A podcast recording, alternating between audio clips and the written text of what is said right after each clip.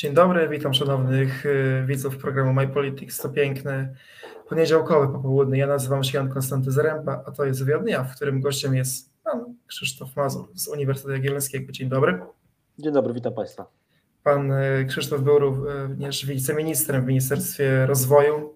Jak pan wspomina ten czas? Co udało się osiągnąć? Co by pan zrobił inaczej, tak z perspektywy czasu? Wie pan co, no, ta perspektywa jest taka, że ciągle trwa, bo y, główne zadania, które nam przypadły, to były zadania związane z pandemią, y, a ciągle z, ze skutkami pandemii samą pandemią mierzymy się, więc to tak y, trudno powiedzieć, że to jest czas y, zamknięty. I chociażby inflacja, którą mamy dzisiaj, jest na pewno takim y, taką konsekwencją, którą można analizować y, jakichś tam działań, które my też podejmowaliśmy związanych z tarczą chociażby antykryzysową. Także tutaj y, ja tego nie traktuję w kategoriach zamkniętego rozdziału, tylko czegoś, co cały czas ma swoje skutki do dnia dzisiejszego. Jeżeli pyta mnie Pan, co było najważniejsze, to okazało się, że najważniejsza w pracy w ministerstwie jest polityka, dużo bardziej niż merytoryka i to jest chyba tutaj najważniejszy, najważniejszą odpowiedź, jaką chciałbym udzielić. A tak z perspektywy naprawdę nie ma Pan jakichś przemyśleń, że może wypadało Pan tam zostać trochę dłużej, może coś inaczej zrobić, nic a nic? Zdecydowanie tak, natomiast y, dlaczego nie zostałem dłużej? Ze względu na politykę. E, okazało się, że e, wątek, który wtedy się rozgrywał ogólnopolsko, czyli wątek związany z wyborami kopertowymi, on był istotniejszy niż, e, niż wszelka praca merytoryczna, którą wykonywaliśmy. No także kwestia potem rekonstrukcji, jak Państwo pamiętacie, w wyniku wybor, wyborów kopertowych Jarosław Gowin odszedł z rządu, ale we wrześniu wo, wobec rekonstrukcji wrócił właśnie do Ministerstwa Rozwoju.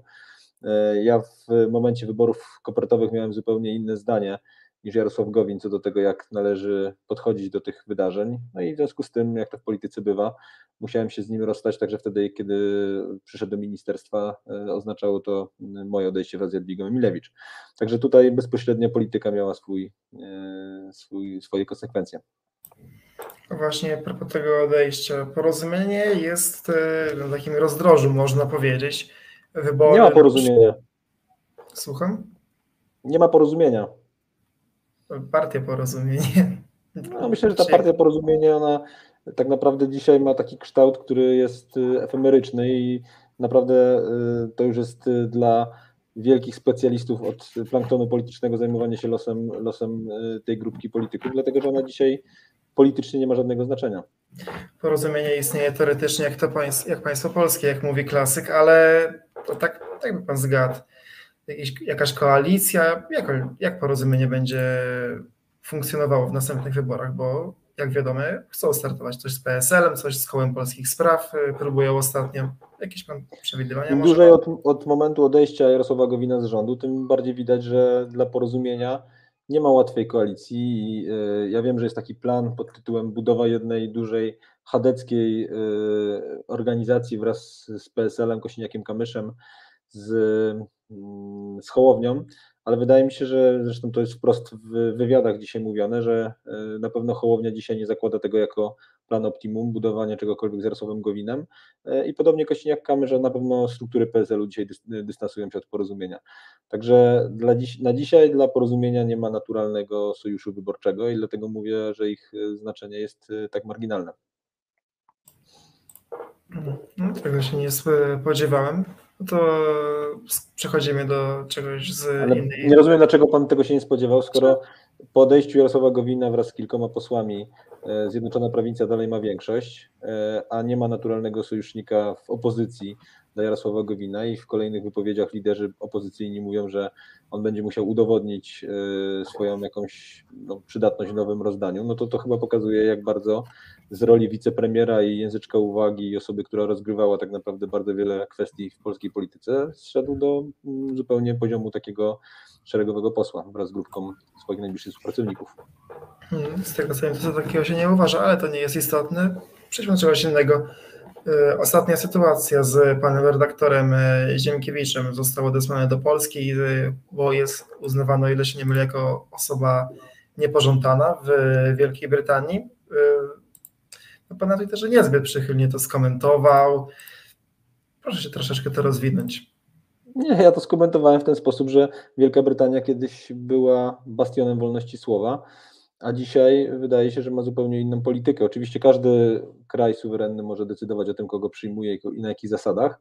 Natomiast no, tutaj w tej sprawie najbardziej chyba bulwersujące jest to, że trudno sobie wyobrazić, żeby e, nie publikujący e, na wyspach w języku angielskim Ziemkiewicz był tak naprawdę znany e, tamtejszej, nie wiem, administracji czy e, decydentom politycznym. W związku z powyższym no, ta decyzja o tym, żeby go nie wpuścić na swoje terytorium, musiała być na podstawie kogoś, kto jest Polakiem, kto zna e, tą e, publicystykę z języka polskiego i kto po prostu w jakiś sposób wydał cezurę, cenzurę czy wydał jakąś opinię, że poglądy Ziemkiewicza są na tyle skandaliczne, że no nie powinien mieć prawa wjazdu do Wielkiej Brytanii. To jest najbardziej tutaj bulwersujące w tej sprawie, że dla mnie ta procedura E, jest zupełnie niejasna i wygląda na to, że to był po prostu pewnego rodzaju donos przez e, osoby, które są, znają, tak jak powiedziałem, e, publicystykę Sienkiewicza z, z polskiego obiegu intelektualnego i jakoś aktywnie musiały tutaj zabiegać o to, żeby, żeby taką opinia na jego temat, taka, a nie inna została, została tutaj przekazana brytyjskiej stronie. A czy my jako państwo polskie powinniśmy jakkolwiek na to zareagować, czy przejść koło tego bokiem? Wie pan co, dla mnie tutaj jest kwestia pewnych zasad. Dla mnie najciekawsze byłoby poznanie kulis, poznanie tego trybu administracyjnego. Mm, nie wydaje mi się też, żeby warto było tworzyć mm, jakiegoś rodzaju teraz y, wielką debatę polityczną wokół tego wydarzenia. Ono miało jednorazowy charakter. Natomiast te zasady na pewno warto byłoby poznać i wydaje mi się, że e, Wielka Brytania, która, jak ja byłem w Ministerstwie Rozwoju, bardzo często e, wspominali politycy z Wielkiej Brytanii, ambasador z Wielkiej Brytanii ówczesny, wspominał, że te relacje z Polską są bardzo dobre, zwłaszcza w momencie, kiedy byliśmy w jednej grupie w Parlamencie Europejskim z częścią brytyjskich polityków, e, zwłaszcza wtedy, kiedy był, e, no, Wielka Brytania była w pewien sposób wiem, wypycha, wypychana z Unii Europejskiej. To wszystko były jakieś momenty, w których widać było tą solidarność, bliskość między Polską i Wielką Brytanią. No i szkoda byłoby, żeby z tego powodu teraz robić jakąś no, akcję polityczną, która by nie służyła ani jednej, ani drugiej stronie. Czyli w dużym skrócie, no szkoda, szkoda, nie fajny proceder, ale idziemy dalej. Nie, w dużym skrócie najważniejsze są zasady, na podstawie których taka decyzja została podjęta, ale do momentu, kiedy nie będziemy wiedzieli, że to jest jakiegoś rodzaju stała e, polityka względem prawicowych publicystów z Polski, no to, to na razie nie, nie eskalowałbym tego na wyższy poziom.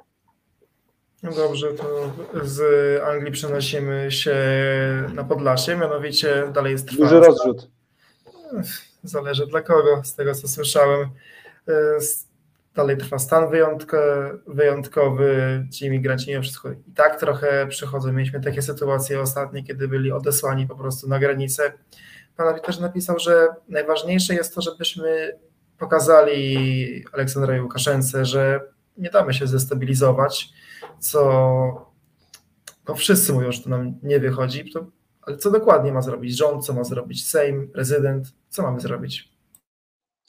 Odwołuje się Pan do e, tweetu, który wyraził dość prostą opinię, to znaczy e, tutaj e, kwestie humanitarne, one będą potęgowały się, te problemy humanitarne, tak długo jak Łukaszenko będzie decydował się na destabilizowanie sytuacji na wschodniej granicy Unii Europejskiej. To, że e, to jest świadoma polityka Łukaszenki, mamy szereg artykułów na ten temat, e, które pokazują, że od wielu tygodni tak naprawdę jest e, kampania informacyjna do krajów Bliskiego Wschodu, także do Pakistanu, także do krajów Azji Środkowej, która mówi, że jeżeli ktoś chciałby dostać się na teren Unii Europejskiej, to rzeczywiście Łukaszenko będzie patrzył przychylnym okiem na to, żeby uruchamiać kolejne połączenia lotnicze, wydawać pozwolenia na przylot do Białorusi. E, w pakiecie jest także nocleg e, w Mińsku, no i potem przewiezienie na granicę. To wszystko to jest bardzo świadoma polityka, która ma doprowadzić do sytuacji takiej, w której na wschodniej granicy Unii Europejskiej będziemy mieli powtórkę tego, co miało miejsce w Turcji w związku z emigracją z Bliskiego Wschodu. No i teraz biorąc pod uwagę to, że oczywiście każde życie ludzkie jest, należy mu poświęcić szczególną uwagę i należy podchodzić jak najbardziej humanitarnie do, do tego problemu, no to widzimy, że tak naprawdę to jest problem o charakterze politycznym, który wynika z pewnej strategii Łukaszenki. I jak długo nie odpowiemy sobie na pytanie jako opinia publiczna w Polsce, jak Łukaszenko przekonać go do tego, żeby, e, żeby zaprzestał tej polityki ściągania bardzo aktywnego i świadomego ściągania emigrantów z, z tych destynacji, o których powiedziałem, tak długo będzie ten problem tylko i wyłącznie eskalował. E, no i teraz pytanie brzmi, co należy zrobić? No i mój tweet, y, to była bardzo krótka wypowiedź, jak to, jak to na Twitterze, mówił tylko o tym, że w centrum tak naprawdę debaty powinno być to pytanie, co zrobić, żeby Łukaszenko zaprzestał tej polityki, bo tak będzie i z perspektywy humanitarnej dla tych osób na granicy, i z perspektywy racji stanu po prostu lepiej. Widać też przykład Litwy. Na Litwie jest ogólnopartyjny konsensus wokół tej strategii. W Polsce niestety takiego konsensusu nie ma.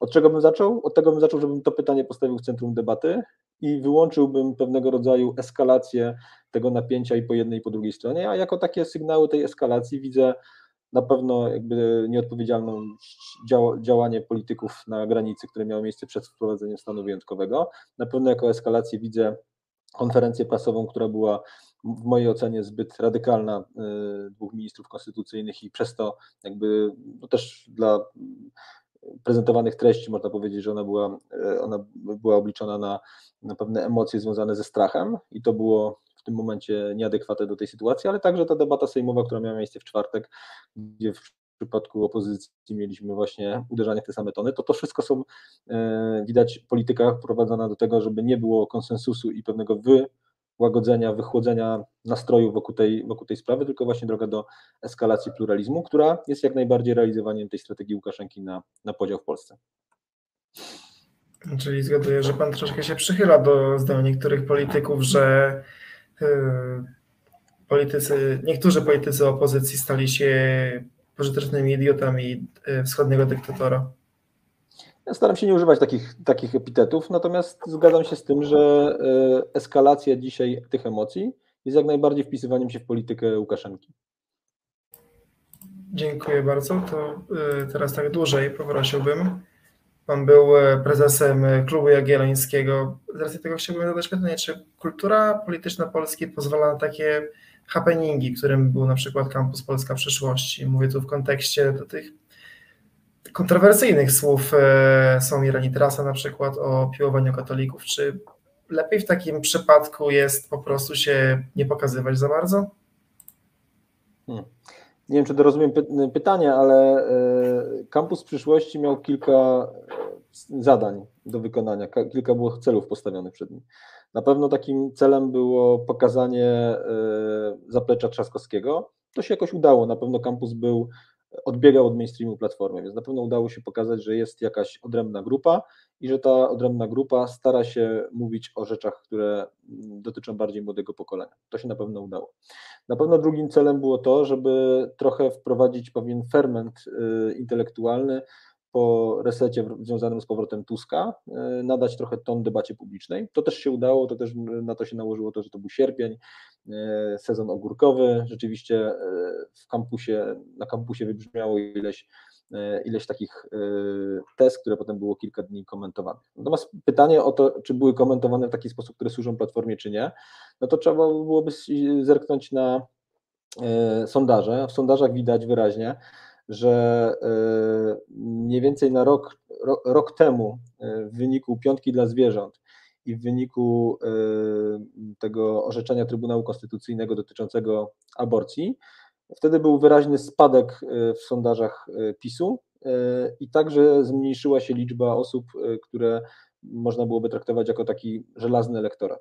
Co widzimy dzisiaj? Według badań Ibrisu widzimy, że podwoił się ten żelazny elektorat PiSu i oczywiście nie można powiedzieć, że to jest bezpośredni wpływ kampusu Polska, e, Polska przyszłości. To pewnie się wpisuje w to szereg innych zagadnień, takich jak czas, który upłynął od tego, czas, e, od tego zeszłego roku, jak kwestia właśnie tego, o czym rozmawialiśmy na, na granicy. Także pewnie jest tutaj kwestia powrotu Tuska samego do polityki i to, że właśnie jego powrót e, sprawił, że dla wielu rozczarowanych, wahających się wyborców PiSu powrót do, do identyfikacji jako wyborców właśnie tej partii jest naturalną drogą. Ale wydaje mi się, że też ten kampus nie nie był na pewno argumentem za tym, żeby tą tendencję odbić. To znaczy nie był argumentem za tym, żeby Platforma poszerzała swój elektorat, tylko właśnie za tym, żeby pokazać, że, e, że jeżeli Platforma chce mówić do młodych, to mówi na tyle radykalnie, że dla wielu wyborców rozczarowanych, zastanawiających się, czy dalej głosować na PiS, jednak jest e, sygnał wyraźny, że to PiS jest naszym wyborem. O jakich poglądach e, mówię? No na pewno jakby ten antykatolickie wątki, o których Pan powiedział, które potem sam e, Tusk starał się kontrować. Na pewno to, że nie było żadnej opowieści dla małych i średnich miast, co też starał się Tusk kontrować potem w Płońsku. Na pewno to, że ta agenda była takim kopią agendy radykalnej, lewicowej, progresywnej z Zachodu. No i także te kwestie związane z polityką klimatyczną. To wszystko wpłynęło na to, że Platforma się zaczęła w tych komunikatach, które przebiły się po kampusie, jawić jako partia, która skręca z tego centrowego chadeckiego mm, kursu na rzecz y, partii progresywnej, wielkomiejskiej y, dla młodych, y, młodych elit. No i to tak naprawdę było powodem, dlaczego potem Tusk musiał w Płońsku zrobić cały ten, cały ten anturaż chadecki związany z znakiem krzyża na, na, na chlebie i całowaniem chleba i, i, i, związany z takim właśnie mówieniem, że jesteśmy katolikami, większość nas jest katolikami, bo tak naprawdę to było kontra do tego, co się, co wybrzmiało po kampusie, a to, co wybrzmiało być może jest w stanie przekonać wielkomiejski młody elektorat do Platformy, ale na pewno nie tych wahających się byłych wyborców PiS PiSu. No i stąd ten, e, ten wynik, o którym powiedziałem, że dzisiaj PiS ma dwa razy mocniejszy żelazny elektorat niż miał rok temu.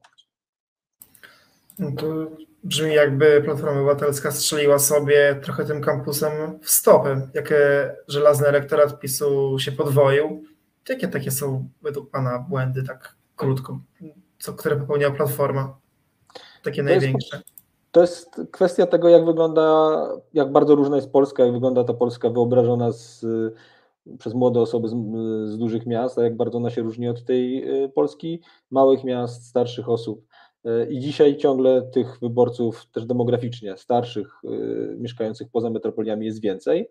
No więc y, to jest ten szpagat, w którym jest Platforma. Platforma chciałaby zarówno mówić do młodych, być progresywna, nowoczesna. Trzaskowski kilka razy sam na kampusie mówił, że jest z tego dumny, że zmienia się linia partii. No ale im bardziej jest y, w nurcie kampusu y, mówi Platforma, to tym bardziej traci komunikację, czy traci wiarygodność u tych starszych wyborców w mniejszych ośrodkach. No i to jest taki problem. Dzisiaj, gdy mamy partię taką jak Partia Razem, e, kilkuprocentową, mówiącą przede wszystkim właśnie z perspektywy metropolii, to możemy sobie pozwolić na pewne radykalne poglądy. Natomiast jeżeli chcemy budować partię 30-35%, tak jak Tusk ma aspiracje, żeby wygrać z PiSem, no to nie może, nie może sobie pozwolić na to, żeby to było w centrum przekazu tej partii. I tak naprawdę dzisiaj to jest największy problem Platformy, że ona e, w jakimś sensie jest partią dla nikogo, postarając się zarówno trzymać e, kontakt z tą bazą chadecką z, mniejszych miejscowości, jak i mówić tym progresywnym językiem dla młodych e, z, większych, z wielkich miast. W pewien sposób no, może być takie ryzyko, że nie jest wiarygodna ani dla jednych, ani dla drugich. W takim przypadku nie pozostaje mi nic innego jak podziękować za bardzo merytoryczny wywiad. Moim oraz Państwa gościem był Krzysztof Mazur. Dziękuję bardzo i miłego dnia. Dziękuję bardzo.